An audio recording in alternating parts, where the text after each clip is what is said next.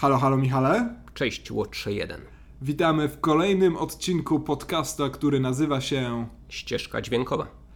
Przede wszystkim, zanim przejdziemy do efektownej i zabawnej zapowiedzi tego, o czym będziemy dzisiaj rozmawiać, a w sumie nie będzie tego dużo, e, przypomnienie, że wreszcie ogarnęliśmy media społecznościowe, jesteśmy na Facebooku, i tyle, tak naprawdę, ale w każdym razie, jeżeli słuchacie nas na przykład z iTunes i nie wiecie, że mamy stronę na Facebooku, to zapraszamy, żebyście, jak to mówi młodzież, zalajkowali i dzięki temu ułatwicie nam naszą światową dominację. E, na iTunes warto nas subskrybować i przede wszystkim e, tam wstawiać gwiazdki, pisać recenzje i tak dalej. To jest dla Was chwila, a dla nas to jest chyba bardzo ważne. Tak, nie, nie, nie chyba, to jest bardzo ważne. Będziemy Wam super wdzięczni. Michał, co będzie w odcinku? Uwielbiamy się lansować, dlatego lajkujcie, tak. Lajkujcie, lajki. Lajkujcie wszemi wobec. E, dziś e, solowy, monograficzny, można by powiedzieć, odcinek e, Marvel One Shot, czyli jeden strzał z Marvela po polsku. Opowiadamy ze spoilerami o Kapitanie Ameryce części trzeciej, złośliwie nazywanym przez niektórych Avengers 2,5. Zapraszamy. Zapraszamy.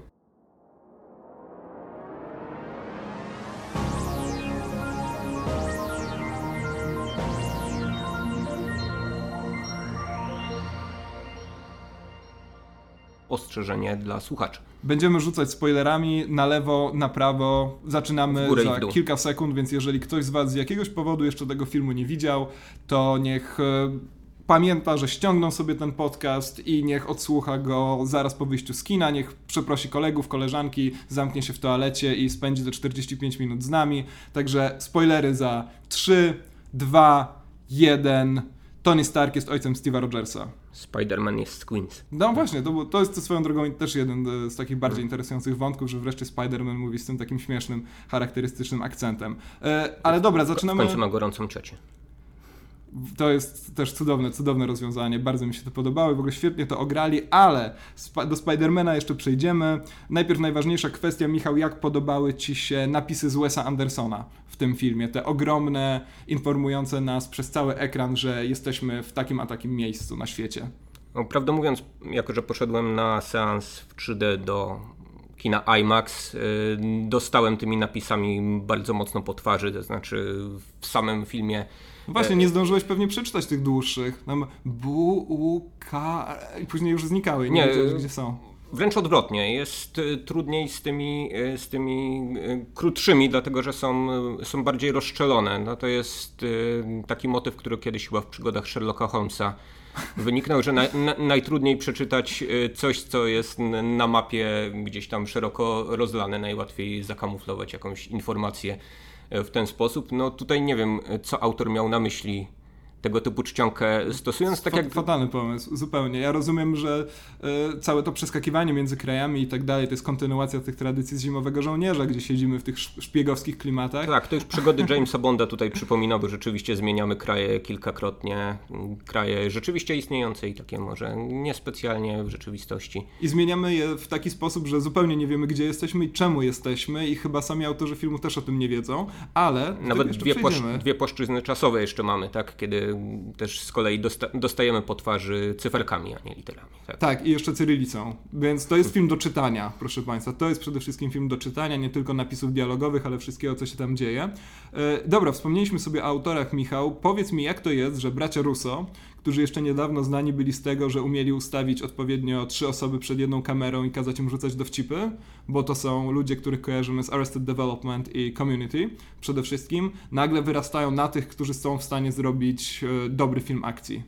No, złośliwi by powiedzieli, że to figuranci, a tak naprawdę reżyseruje Kevin Feige, tak jak wszystkie filmy z Marvel Cinematic tak, Universe. Ten zrobię gorszy, żeby nikt się nie poznał, a ten zrobię lepszy i tak dalej. Dokładnie, ale trudno tak naprawdę stwierdzić, na ile to jest y, kino producenta, na, na ile reżyserzy rzeczywiście mają jakiś, jakiś, jakiś wkład w to, tak? Może kiedyś y, wybierzemy się na plan jakiegoś filmu Marvel Dostaniemy Cinematic zaproszenie, jesteśmy prestiżowym tak? podcastem. No i wtedy, wtedy, wtedy na pewno e, podzielimy się ze słuchaczami tym, czy e, reżyserzy mają coś do powiedzenia na planie. No bo scenarzystów to mamy takich e, tradycyjnych, oni chyba połowę tych filmów marvelowskich napisali. Reszta ekipy też jest bardzo podobna, z tym nieszczęsnym Stanem Lee jako producentem wykonawczym, co mnie, co mnie zawsze bawi.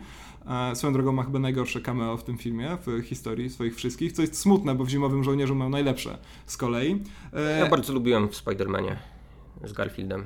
E, Michał, przypomnij naszym słuchaczom, którzy wyszli 5 minut temu z kina, o czym jest ten film, co właśnie, co właśnie, właśnie, właśnie, właśnie zobaczyli.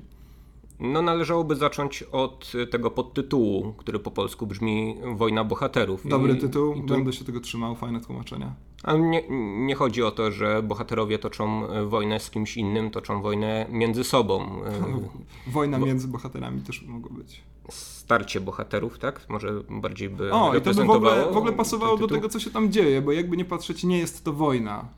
Więc rzeczywiście Mhm. chyba starcie byłoby lepszym pomysłem. Ale Boże, co by się wtedy działo w polskim internecie? Tym bardziej, że nie mamy y, tylu postaci, co w komiksie, na którym jakoś luźno miał bazować ten film, a jak y, stwierdziłeś przed momentem, zanim zaczęliśmy nagranie, nie za bardzo jednak y, cokolwiek ten film ma wspólnego z Wojną Bohaterów, tak, komiksową. No nie, Znaczy ale to nie jest ża- żaden problem, no bo Age of Ultron na przykład też zapożyczył tytuł od serii komiksów Briana Michaela Bendisa i nie ma z nimi na szczęście, bo to jest fatalne, to są fatalne komiksy, y, nic wspólnego, ale tu też nie mamy do czynienia z tym, co z Batmanem, co, z czym mieliśmy do czynienia w przypadku Batmana przeciwko Supermanowi. To znaczy, kiedy zapożycza się jakiś koncept, który jest bardzo ważny dla fanów komiksu i się go całkowicie kładzie bo wyobraź sobie, że jesteś rzeczywiście takim psychofanem uniwersum DC, czekasz całe życie na to, żeby zaadaptowali, zaadaptowali, zaadaptowali, tak? Mrocznego Rycerza, Millera i Śmierć Supermana, po czym adaptują to naraz w jednym filmie i wychodzi im tak fatalnie. No, a tu myślę, że mimo wszystko fani Civil War nie mogą się czuć e, zawiedzeni. Tym razem mamy mm, pseudoadaptację e, komiksu Marka Millara, wydanego 10 lat temu, czyli dziesiątą rocznicę, można powiedzieć. e, Marvel się bierze za to Civil War, no ale właśnie bierze się w taki sposób, żeby z jednej strony Już jakoś... 10 lat, Boże, ja pamiętam jak słyszałem w radiu, o, to jest chyba moje najciekawsze wspomnienie związane z tym komiksem Marka Millara Civil War. Otóż w tym komiksie Kapitan Ameryka pod, pod sam koniec, szczerze mówiąc nawet nie pamiętam, czy to jest e, jeszcze Civil War, czy, czy następca, ale Kapitan Ameryka ginie, zostanie zastrze- zostaje zastrzelony. Oczywiście okazuje się, że on wcale nie zginął i tak dalej, że ten, kto niby go zabił, wcale tam, no to takie typowe komiksowe komplikacje, ale pamiętam, że usłyszałem informację o śmierci Kapitana Ameryki w polskim radiu. To było absolutnie niesamowite. Siedzą sobie opowiadają o tym, że e, rząd coś tam, coś tam, jakaś tam partia coś tam, coś tam, Kapitan Ameryka nie żyje. O Boże, czemu to się stało? No więc to bardzo, ba, ba, bardzo ważne było. No, to też film, który Chyba, tak.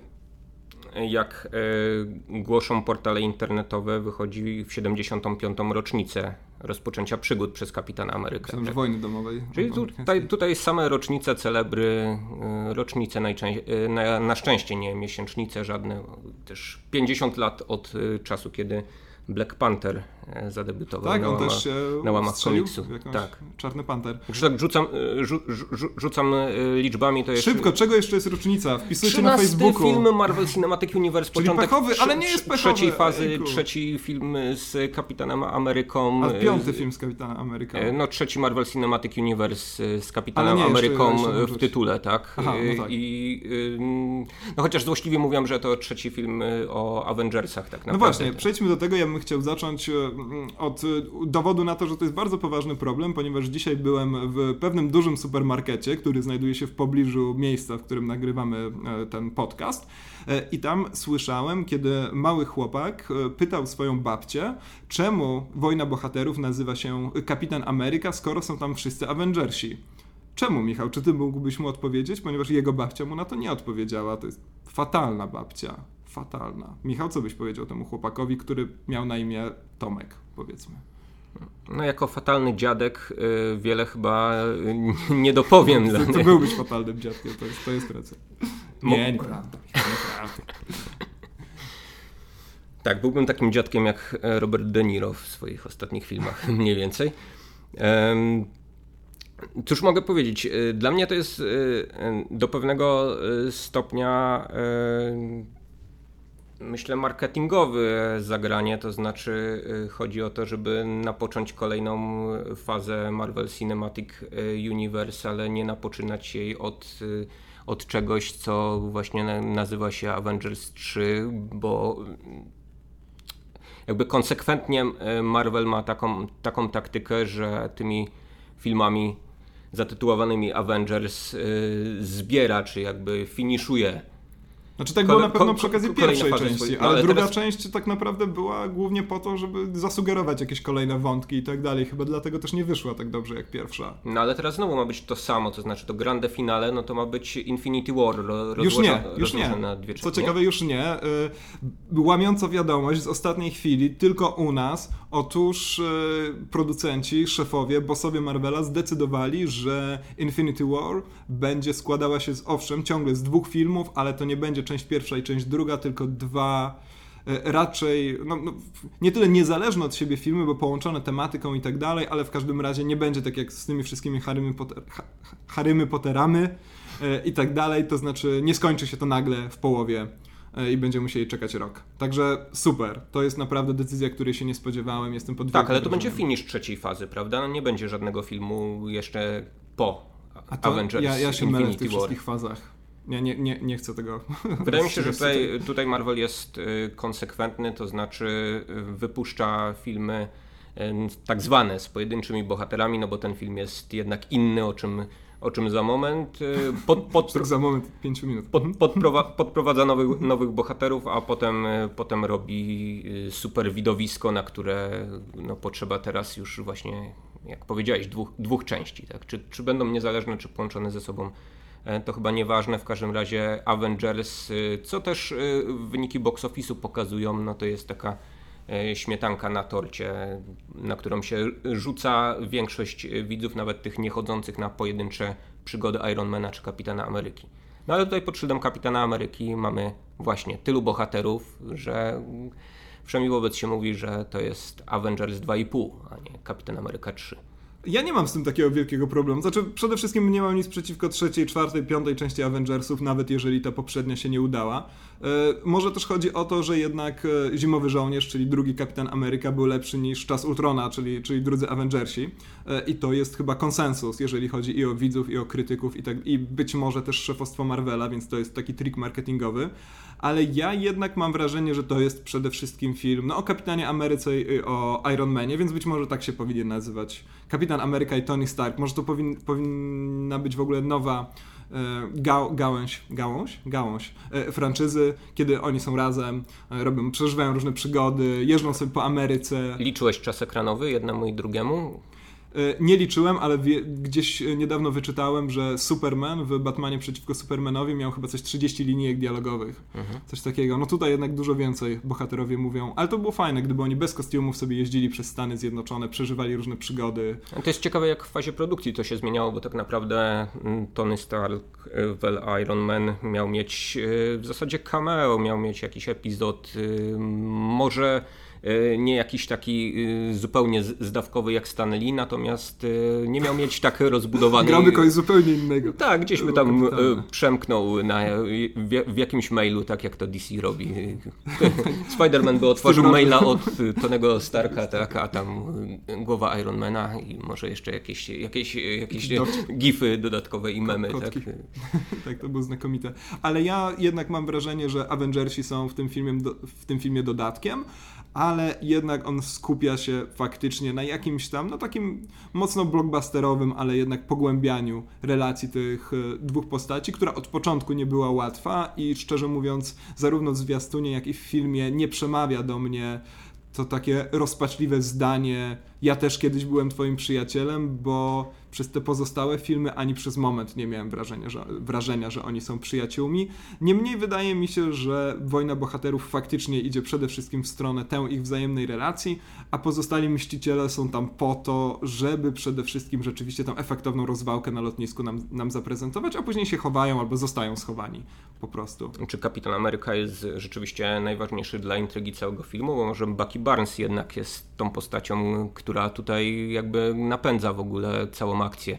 takie miałem wrażenie, przynajmniej oglądając ten film, rekapitulując to, to co tam się dzieje. Okej, okay, być może jeśli chodzi o czas ekranowy, najwięcej jest Kapitana Ameryki, który nawet przez moment ma jakieś dylematy moralne, a to przecież niezłomny żołnierz, który tak naprawdę nie powinien się zastanawiać nad tym, czy coś powinien podpisywać, czy nie podpisywać. Tak? E, niemniej jednak e, wydaje mi się, że gdyby nie jego przyjaciel Bucky, no to w ogóle nie byłoby chyba jakiejś intrygi fabularnej, sensownej w tym filmie. Nie, to znaczy, no ale też gdyby był sam Bucky, to pewnie on niewielu by interesował, albo byłby przede wszystkim głównym przeciwnikiem bohaterów. No być może byłby porządny mm, szwarc charakter w tym filmie, bo to No, no tak jak z... w Zimowym Żołnierzu, gdzie był kapitalny, tu zresztą trochę mi brakuje, on się tam tylko miga od czasu do czasu tego fenomenalnego motywu, takiego dźwięku muzycznego, który towarzyszy, towarzyszył w Zimowym Żołnierzu pojawianiu się um, Bakiego. Także nawet jeżeli nie są to kolejni Avengersi, to jest to minimum. Tony Stark spotyka Steve'a Rogersa i rzeczywiście oni tu budują ten główny konflikt, konflikt postaw, y, konflikt podejścia do tego, w jaki sposób radzić sobie z przeróżnymi systemami, czy opresyjnymi, czy nie i tak dalej. Czy podpisać lojalkę, tak? Dokładnie. Czy nie podpisywać. E, Michał, czy e, zostać agentem przekonany? Nie, Do... puściłem to mimo uszu. Czy, czy podpisałbym? czy, czy podpisałbyś? długopisem Franklina Delano Roosevelta. Zasugerowałeś, że długopis Lecha Długopis Wałęsy tak? powinien być. To by było fantastyczne, gdyby Steve Rogers siedział sobie przy tym ponurym stole i nagle Tony Stark przy tym z takim wielkim futerałem i otwarł, a tam jest długopis Lecha Wałęsy. Tak, to... i, pot, i, i, i, potem zamiast yy, spoiler iść na pogrzeb Peggy Carter, mógłby Steve Rogers na przykład włączyć wiadomości i dowiedzieć się, że Lech Wałęsa też coś podpisywał. Albo mieć wielkie dylematy. E, Cęckiewicz, tak, który z tych historyków e, mógłby na przykład do niego zadzwonić, byłaby cała taka efektowna scena dialogowa, kiedy to byłoby wygrane jak w najlepszym e, psychologicznym thrillerze, kiedy usiłują przekonać kapitana Amerykę do tego, że no Wałęsa też nie był tak krystalicznie czysty, jak uważa Tony Stark, ale... No niestety nie ma Wałęsy w Marvel Cinematic Universe, przynajmniej, przy, przy, przynajmniej na razie. Andrzej Wajda sam stworzył swoje uniwersum człowieków z, że tak powiem, no bo przecież w Wajdzie widzimy, że pojawi- nie w Wajdzie, tylko e, bałem się, widzimy, że pojawiają się też e, bohaterowie poprzednich, po, poprzednich filmów serii. Michał, czy ciebie, jako zwłaszcza no, naj, największego przy tym stole specjalistę od polityki amerykańskiej, e, nie tylko przekonuje zarysowanie tego konfliktu, ale czy też widzisz tutaj takie bardzo ważne, relevantne odniesienia do świata, który nas otacza, albo który otacza Amerykanów? To jest inny świat trochę? Być może z perspektywy mm, Steve'a Rogersa, kapitana Ameryki, no jest to jakiś y, problem, dlatego że no jest to, jak jako się rzekło, żo żołnierz niezłomny, który nigdy nie skłamie y, nie tylko kobiecie, ale zwłaszcza rządowi i swoim y, przyjaciołom, w związku z czym dla niego może być dylematem to, czy podpisać tak zwaną lojalkę, w myśl której Avengersi będą pod szyldem ONZ-u działać. Dla całej reszty tych superbohaterów nie sądzę, żeby to był jakiś e, szeroki dylemat, nie wiem, zwłaszcza może dla E, czarnej Wdowy, tak, która też z, z, z, zmienia strony trochę jak, jak chorągiewka. Znaczy, oni nie mają chyba na tyle podmiotowości, żeby się tym interesować. No Falcon zrobi to samo, co zrobi Kapitan Ameryka, a War Machine, e, to jest zabawne, że w tej scenie dyskusji o tym, czy podpisać, czy nie, główną rolę gra War Machine, który od dawna, to pamiętamy chociażby z trzeciego Ironmana, pracuje dla rządu. I tyle. No ale rozumiem, że chcieli go przypomnieć widzom, zanim wydarzy się tragedia. No ale rząd nie to samo też co ONZ, tak tak rząd, no, tak, rząd amerykański na swoim, sw swoim, swoim, swoimi ścieżkami chodzi, tak. E, natomiast e, no, rzeczywiście nie wydaje mi się to jakimś takim szczególnym dylematem z perspektywy tych, tych pozostałych bohaterów. Okej, okay, oni mogą e, podpisać protokoły Sokowi o współpracy z ONZ-em, no a potem się z tego szybko wymigać, kiedy no, zacznie, kiedy okaże się na przykład, że to, że, że to nie działa, bo ONZ to hydra. Albo, no, albo, właśnie. no nie dziwię się, że oni nie ufają już, e, już instytucjom.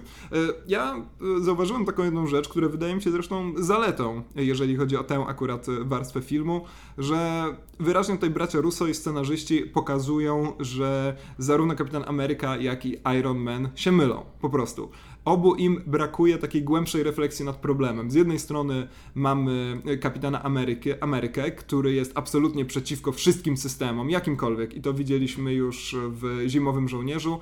I pewnie to można jakoś jeszcze wyciągać z pierwszej części, ponieważ jest on tym człowiekiem, który pamięta jeszcze e, te na najdramatyczniejsze efekty tego, jak ludzie zostają opresyjnemu systemowi podporządkowani.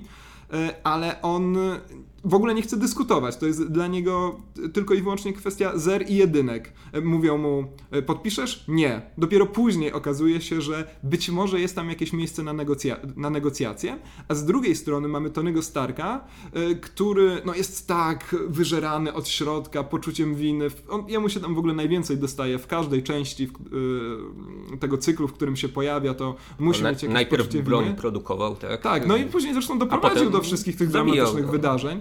E, więc tak, to jest uzasadnione, ale on, e, on z kolei mm, bardzo chce oddać się komuś e, pod kontrolę, żeby to ktoś inny być może przejął tą odpowiedzialność, zdjął z jego, z, zdjął z niego, oj, ten podcast jest trudny, poczucie winy. I to jest dość interesujące, że tu nie mamy jednej strony, która ma rację, tylko rzeczywiście tak naprawdę obie strony tej racji nie mają. Czy tych dylematów y, nie pogłębiłoby y, to ściślejsze nawiązanie do komiksu, to znaczy fakt, że bohaterowie nie chcą e, podpisać e, w komiksie no, pewnych, e, pewnych takich aktów lojalności w stosunku do rządu czy do międzynarodowych organizacji, y, wynikał też z tego, że nie chcieli ujawnić swojej sekretnej tożsamości. Tutaj, której tutaj nie mają. Tak, tutaj, tutaj, tutaj w dużej części mamy do czynienia z takimi superbohaterami, których sekretna tożsamość jest powszechnie znana, w związku z czym no, odpadają im dylematy tego typu, czy ujawniam się i tym samym narażam na niebezpieczeństwo swoich bliskich. E, zostaje tylko ten, e, ten no nawet nie, nie, nie dylemat, właśnie kwestia pewnego rodzaju odpokutowania tak, za, za, za przeszłe grzechy, tak, w, te, w ten sposób podpisując podpisując ten akt o,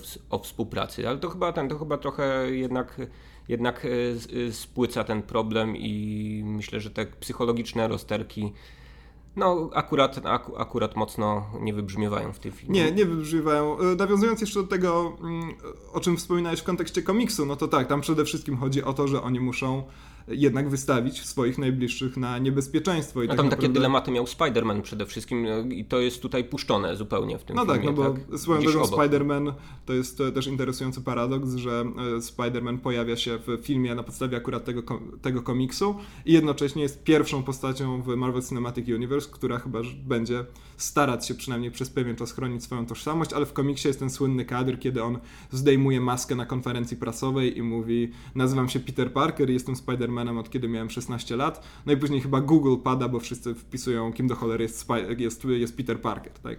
E... Zastanawiam się, na ile, wiesz, piętno na ostatecznym wyglądzie e, filmu scenariusza tego filmu odcisnęło to, że negocjacje między Sony, która ma prawa do Spidermana, a Disneyem trwały po prostu bardzo długo, to znaczy dość długo nie było wiadomo, czy Spider-Man się pojawi w tym filmie i w końcu jest wprowadzony dość obszernie, ale jednocześnie w taki sposób, że za bardzo nie ingeruje w ten główny wątek, właśnie ten wątek y, starcia między, między mm, Starkiem a Rogersem na tle właśnie podpisywania bądź niepodpisywania. Tutaj praktycznie Spider-Man się y, no nie wypowiada w, w, tej sprawie akurat y, wprost, tak? No nie, to, zwłaszcza, że w komiksach on zmieniał stronę. Mhm. Więc on rzeczywiście był bardzo często motorem fabuły, wszelkich e, zwrotów i tak dalej. Był niezmiernie istotną postacią. Ale dobra, jesteśmy przy Spider-Manie. Mamy dwie nowe postaci: Człowieka Pająka i Czarnego Pantera.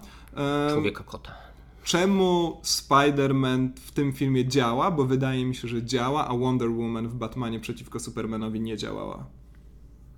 E, chodzi ci o takie działanie, że. E, działanie na widza. Okej, okej, okej. Nie tak, że nie działa, ona tam dość dużo robi, bo się tłucze i tak dalej, otwiera maile, walczy z wirusami, instaluje aktualizację Flasha, więc tak, no dość dużo robi. No tak, postać Spidermana niewątpliwie w tym filmie działa, co więcej, y, jakoś ożywia widzów chyba w tym trochę przegadanym dla mnie filmie, bo pojawia się mniej więcej w połowie seansu E, Spider-Man, może trochę, trochę poza połową, a film trwa 2,5 godziny, najdłuższy film Aha. Marvel Cinematic Universe do tej pory.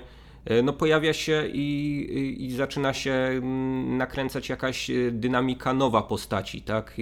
Pojawia się ktoś w rodzaju fanboya, pojawia się ktoś, kto, kto sam ma supermoce, ale jest właśnie mm, fanem innych superbohaterów, tak? Bardzo jara go używanie własnych supermocy, ale jednocześnie zbierałby autografy od, od Starka Rogersa i spółki, bo pojawia się po prostu nastolatek, nie Andrew Garfield, który ma prawie trzydziestkę na karku, ale 19-letni aktor grający, Tom Holland grający rzeczywiście nastolatka. No i wydaje mi się, że to jest taki powiew świeżości rzeczywiście w tym trochę e, zatęchłym składzie Avengersów, bo w całym filmie najlepiej dla mnie wypadają postacie, które są właśnie albo zupełnie nowe jak Spider-Man, Y, albo widzieliśmy je tylko raz jak, jak, jak, jak, jak Ant-Man. No, a jak pojawia się już y, y, Hawkeye, to jest stary, zmęczony i nie, nie Chociaż nie usiłuje być wyluzowany wzorem tego komiksu Mata Factiona i to jest dość okropne, ale wróćmy jeszcze do Spidermana na chwilę, bo on tak naprawdę rzeczywiście bierze się tam zupełnie znikąd, po czym e, rozpływa się znowu w niebycie i nie ma e, żadnej roli, jeżeli chodzi ani o posunięcie głównej akcji, ani jeżeli chodzi o rozbudowanie tego konfliktu, e, na którym akcja się mm, opiera, więc ani wzdłuż, ani w głąb jest tak naprawdę na tej na tej funkcjonalnej zasadzie zupełnie tam niepotrzebny. Na szczęście nie widzimy śmierci wujka Bena i jest no właśnie, szansa, że w kolejnym reboocie nie, nie zobaczymy. Że będzie flashback jakiś na stówę, ale y, on chyba wygrywa przede wszystkim tym, y, jak w detalach jest napisany. To znaczy, fantastyczny jest ten jego dialog z Tonym Starkiem w pokoju, kiedy krążą wokół tych wszystkich y, wiesz, archetypów Spider-Manowych, typu z wielką mocą wiąże się i tak dalej. Y, ugryzł mnie radioaktywny pająk. To jest fantastycznie ucięte. To jest świetna gra z widzem. Y, no i rzeczywiście to, że Spider-Man to jest to jest jedna z najważniejszych postaci komiksowych w historii w ogóle. Z, zarazem w tej scenie jeszcze wrócę na moment. Y, no, jest, jest, jest, jest, to ogrywanie nastolatka, tak, który ma takie problemy, że ciotka siedzi na dole i może w każdym momencie wejść do pokoju, w którym o losach świata mm, dyskutuje z nim potężny miliarder, tak? No właśnie. Pod pretekstem dania mu stypendium za nic. Ta jego nastolatkowość jest kapitalna, ponieważ e, ani u Raimiego, ani u Web chyba nie dostaliśmy takiego Spidermana, jakiego lubimy z komiksów. To znaczy chłopaka, który wszystkie swoje problemy z komunikowaniem się ze społeczeństwem kanalizuje w tym swoim e, zupełnie nieopanowanym humorze. I no Tobey Maguire jest Tro, cichy i ponury, mhm. Garfield jest e, troszkę, troszkę rzeczywiście za stary na to tak, wszystko. Tak, ja lubiłem Garfielda, on trochę był taki, to znaczy był tak, y, ale, ale może był właśnie zbyt nonszalancki, zbyt ironiczny, właśnie zbyt dojrzały. Tak, ja też go lubiłem w pierwszym Spider-Manie zwłaszcza, ale to był zupełnie inny Spider-Man. Ja nie mam nic przeciwko temu, ale tutaj rzeczywiście Holland jest Później tym się rozgadanym dzieciakiem. jak taki trickster, tak? Tak, tak, tak, dokładnie. A Holland widzi, że po Holandzie widać, że on został wrzucony w jakąś zupełnie obcą dla siebie sytuację, nie bardzo wie jak się tam ma zachowywać, więc cały czas, cały, cały czas gada, cały czas gada, nie przestaje gadać. I to zupełnie to, wygląda jak swoją... komiksy ze, ze Spider-Manem pisane przez nim Jasona Arona na przykład. To jest naprawdę znakomite. Swoją, I właśnie swoją drogą to jest działa. ciekawy autotematyczny żart, bo w, w, w, pewnym, w pewnym momencie Falcon, tak? Falcon mówi do Spidermana, że e, zwykle tyle nie gadamy. I tak, to, to tak, mógłby tak, być komentarz do, do całego filmu, w którym no, ten słowotok jest jednak bardzo rozbudowany. Tak. Więc a, nie, a niektórzy do tego... Właśnie, jak to tyle nie gadacie? Przecież Falcon rzuca pierwszy dowcip w tym filmie. No, ale myślę, że tyle, tyle gadaniny nie było i to nie tylko dlatego, że, że metraż tego filmu jest taki długi. Do tego niektórzy mówią z dziwnymi akcentami. Ci nowi, tak.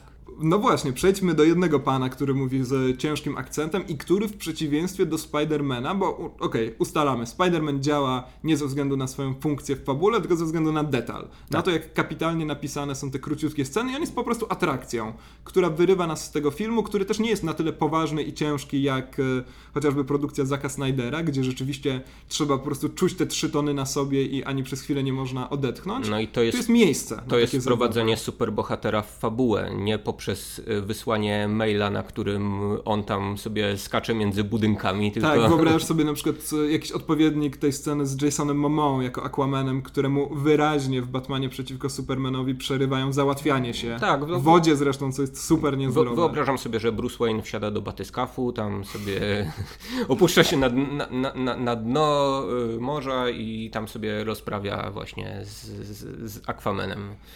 No to, to, to, jest oczywiście główny Mo, może, może byś wypłynął i coś tam podpisał. Tak, tak no może, może gdzieś tam przy okazji. E, ale Okej, to ustalamy, jeżeli chodzi o Spidermana. Koniec, jest to prawda ostateczna. I przechodzimy Czekamy do drugiego pana, którego zapowiemy specjalną piosenką. Łaka, łaka.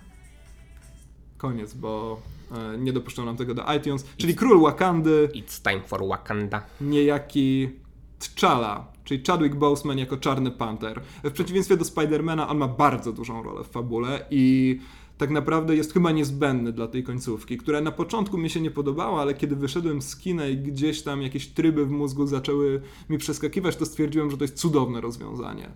Ale to, że pojawia się Boseman, no też wynika z sprzężenia pewnych y, okoliczności producenckich, tak? Y, Negocjowano udział y, Spidermana, było to niepewne, w związku z czym wprowadzono e, Black Panthera do, do filmu o Kapitanie Ameryce. Nagle okazuje się, że jest zgoda e, Sony Columbia na wykorzystanie Spidermana i mamy, mamy dwóch nowych To bohaterów. tak jak z Iron Maiden, kiedy jeden gitarzysta odszedł, wzięli drugiego, tamten chciał wrócić, ale pierwszego nie wyrzucili. W przeciwieństwie do Spidermana, y, Black Panther pojawia się tutaj y, jako mm, no, integralna, można powiedzieć, część fabuły, dlatego że jego poniekąd origin story jest wplecione Tak. w strukturę fabularną tego filmu. To jest wspaniałe. To jest wspaniałe w tym filmie. Rzecz, która chyba najbardziej mi się podobała, to to, że on bardzo poważnie traktuje swoich widzów. Tu nie mamy ani sekundy niepotrzebnej ekspozycji. E, Pojawia się ktoś taki jak facet w kostiumie kota. Widzimy, że jest w stanie zarysować tarczę kapitana Ameryki. Widzimy, że odbijają się od niego kule.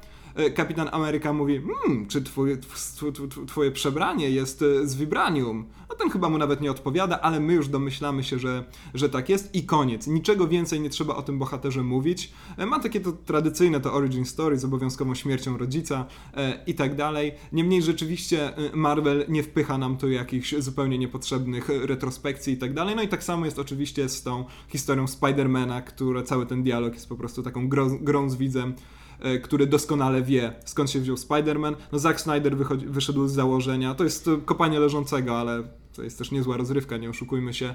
Wychodzi z założenia, że trzeba po raz 17 pokazać, jak No, tym razem w giną rodzice więc Bruce'a Wayne'a. tak, Tym tele- razem zwolnio- w zwolnionym tempie tego jeszcze nie było, rozumiecie? Tak, tak, więc chęt, chętnie każdy zobaczy Marvel, tak. Mamy 13 film, jako się rzekło, Marvel Cinematic Universe i doszli do wniosku, że Tak, już nie trzeba, już mają Tak, swoją tak. grupę fanów. To jest Mo- kapitalny pomysł. Czy mo- też kapitalna konstatacja, no, Mo- że trzeba może, tak robić. może nawet nie Marvelowcy se sezonowcy, ale przeciętny widz jednak wie, że y, wujek Ben nie żyje. E, I co, podoba ci się Chadwick Boseman e, w kostiumie seksownego kota? Nie. A nie podoba ci się Zastanawiam się, jak to- Chadwick Boseman, czy nie podoba ci się jego postać Czarnego Pantera? Zastanawiam się, jak to uzasadnić, ale w- wśród y, wielu bohaterów, którzy się pojawiają na, na, na ekranie w tym filmie,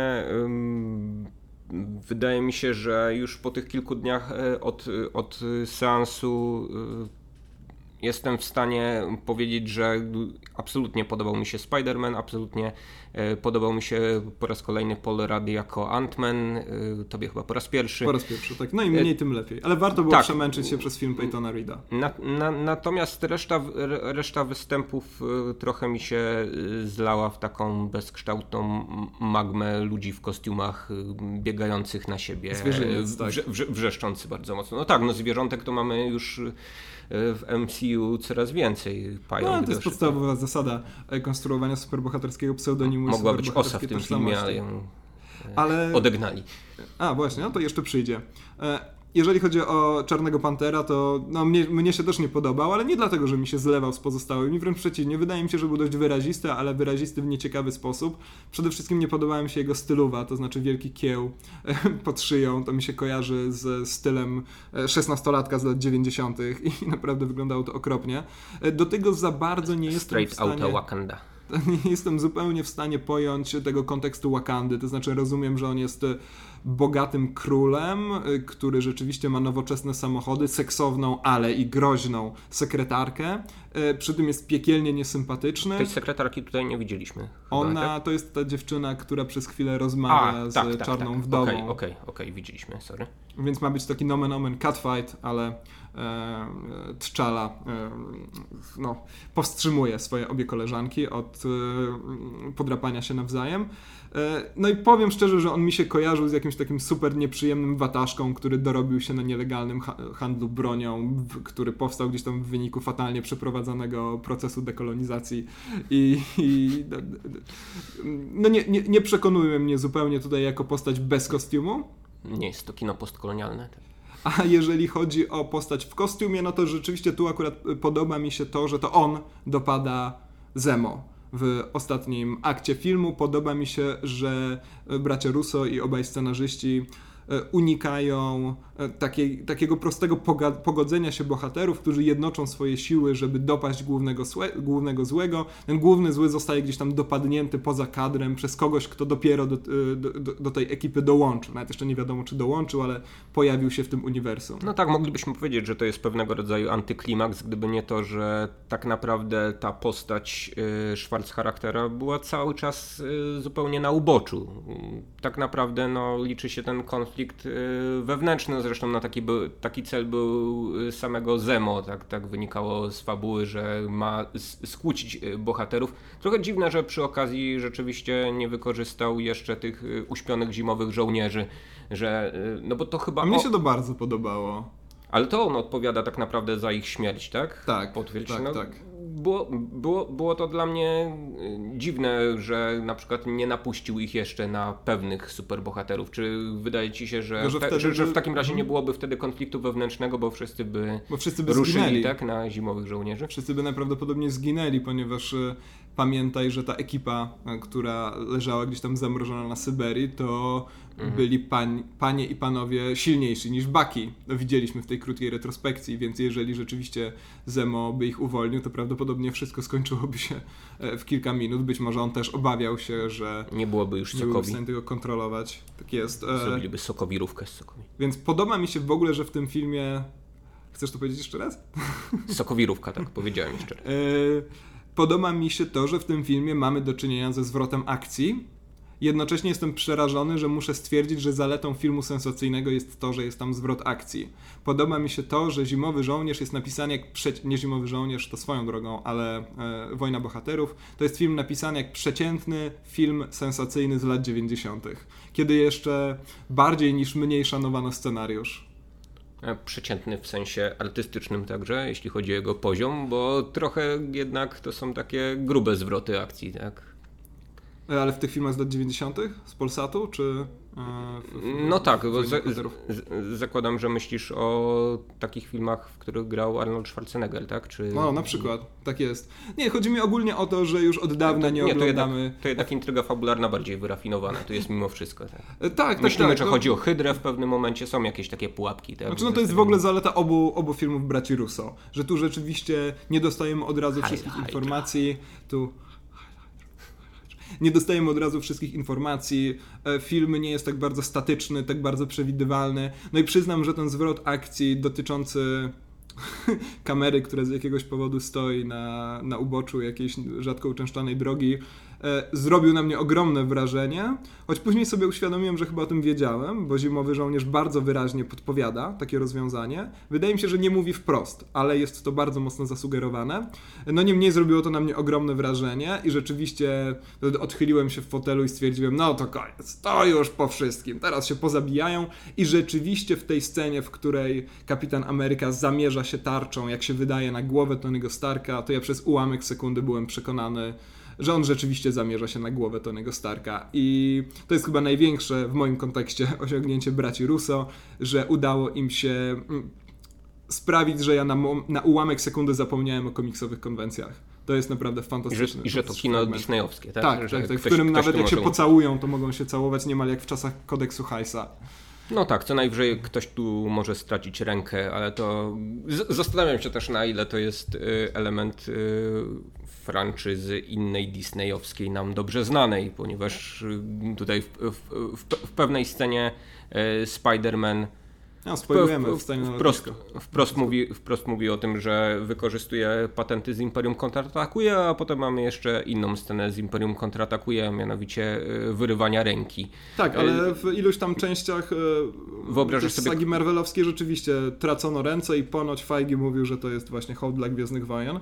Swoją drogą scena... Wyobrażasz sobie crossover taki już y, międzyfranczyzowy, Tak, no tak? oczywiście, Przygo- że sobie wyobrażam. Przygody Hanna Solo Oczywiście. w Marvel Cinematic Universe. Prędzej czy później się to wydarzy. E, Swoją drogą scena mm, z Imperium kontratakuje przypomniała mi koszmary z dzieciństwa. Grałeś kiedyś w Rogue Squadron, a propos Rogue One, o którym rozmawialiśmy przy okazji poprzedniego podcastu do znalezienia na SoundCloud i iTunes. Grałeś kiedyś w to? Nie grałem. E, Tam e, to jest gra, w której latasz sobie myśliwcami rebelii i tak dalej i w jednej, no w kilku misjach właściwie walczysz e, z AT-AT walkerami, czy też AT-AT walkerami i rzeczywiście musisz, tak jak w Imperium kontratakuje, otoczyć ich nóżki e, harpunem, liną właściwie i one się wtedy przewracają. To było takie trudne. Boże, mnie to tak męczyło. Naprawdę, No więc... to takie strasznie nie, niefunkcjonalne maszyny, tak? Tak, Kto, które kto to wymyślił, żeby Czy one chodzą do tyłu? Hmm? Może w Rogue One się dowiemy. Ale czy skaczą? wróćmy do, do, do, do tego filmu Disneya, o którym akurat e, teraz rozmawiamy. O czym mówiliśmy? Mówiliśmy o różnych postaciach. Co z, co z pozostałymi postaciami? Jakichś ci brakowało, bo miał być Hulk, został wycięty. Mówiło się, że Charlie Cox, który, który gra Daredevila w serialowym e, Netflixowym Daredevilu tutaj się pojawi. Zresztą sam Charlie Cox o tym mówił, że, że, że były takie zakusy. W komiksie Daredevil jest dosyć istotny, tak? e, Dla tej całej intrygi. E, Kogoś ci brakowało? No nie było też Ni- Nika Fury, bo jak tłumaczył Feige albo bracia Russo, już nie pamiętam.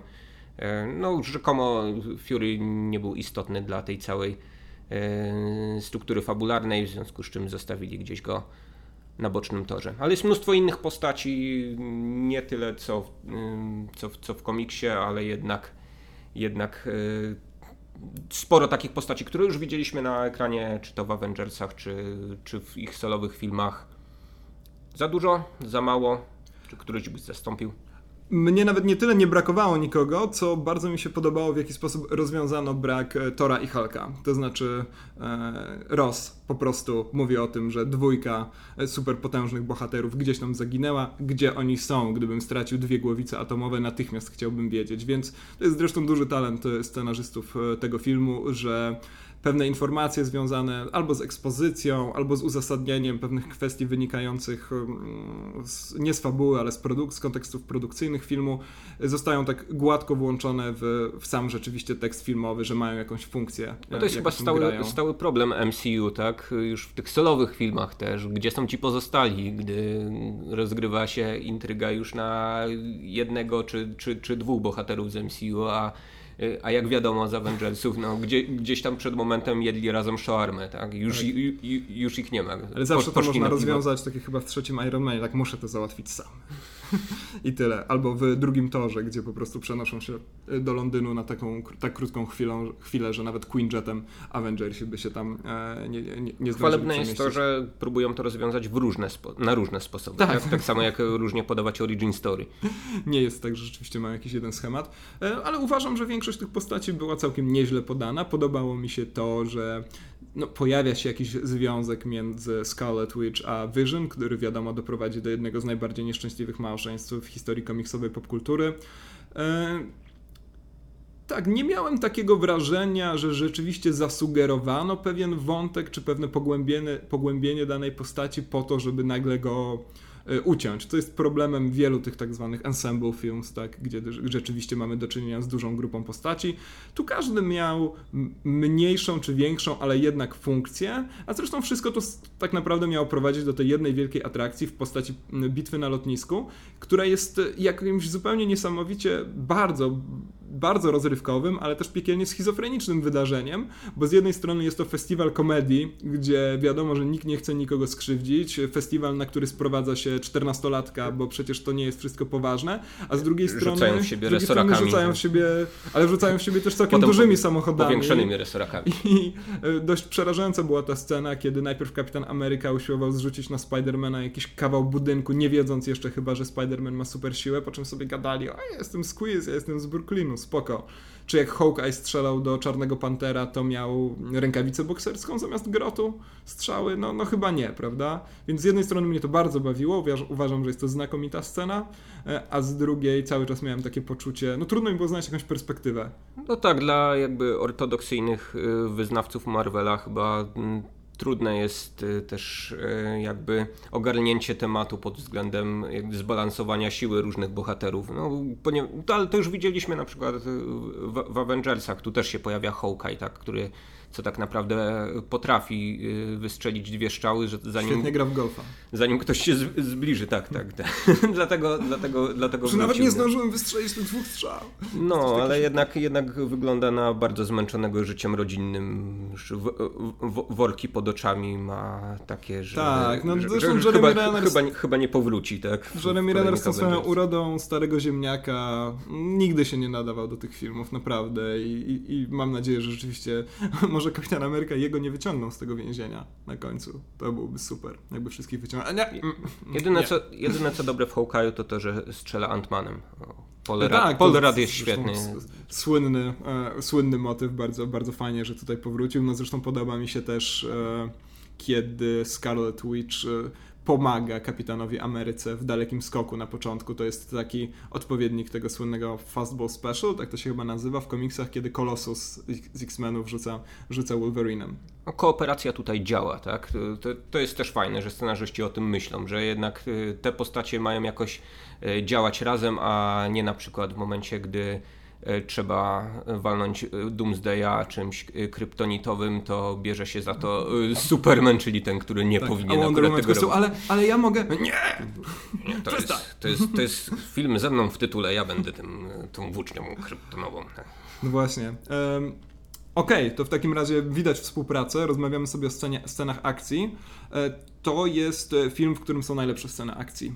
Najlepsze, najbardziej kreatywne wykorzystanie zarówno e, broni, choć to chyba nie ma liczby mnogiej, nigdy, nigdy nie wiem, jak i mocy superbohaterskich. To, co się tam dzieje w poszczególnych ujęciach, w takich krótkich mignięciach, to są te elementy, gdzie rzeczywiście się śmiejesz, śmiejesz się z dziką radością, kiedy Baki zawraca motocykl, łapiąc go po prostu w pełnym pędzie, kiedy Baki walczy z niemieckimi chyba, tak, gubimy się w tej geografii, antyterrorystami w Bukareszcie e, za pomocą taranu. Sami scenarzyści się chyba tak. pogubili, tam mają, mają problemy z oznaczaniem policjantów A, w, w, w, Bukareszcie. Oni mają taką mapę, wiesz, jak Amerykanie widzą Europę. Jest tam pizza, e, nie wiem, dyktatura, coś tam, coś tam. Bukareszt to nie jest dzielnica Berlina w ogóle? No właśnie. To Ber Berlin Wschodni to jest Bukareszt, tak? Um, I cóż, tak to wygląda. I jest tam jeszcze taka scena chociażby, kiedy, nie wiem, kapitan Ameryka zasłania tarczą granat e, w ten sposób, stłumiając wybuch. No to, to, to trochę wygląda jakby dwójka fanów komiksów, albo czemu dwójka, może więcej, siedzieli sobie gdzieś tam w pokoju, pili piwo i przerzucali się, co jeszcze potrafi zrobić kapitan Ameryka, co jeszcze potrafi zrobić Bucky i tak dalej. To jest naprawdę kapitalne, fantastycznie to jest wymyślone.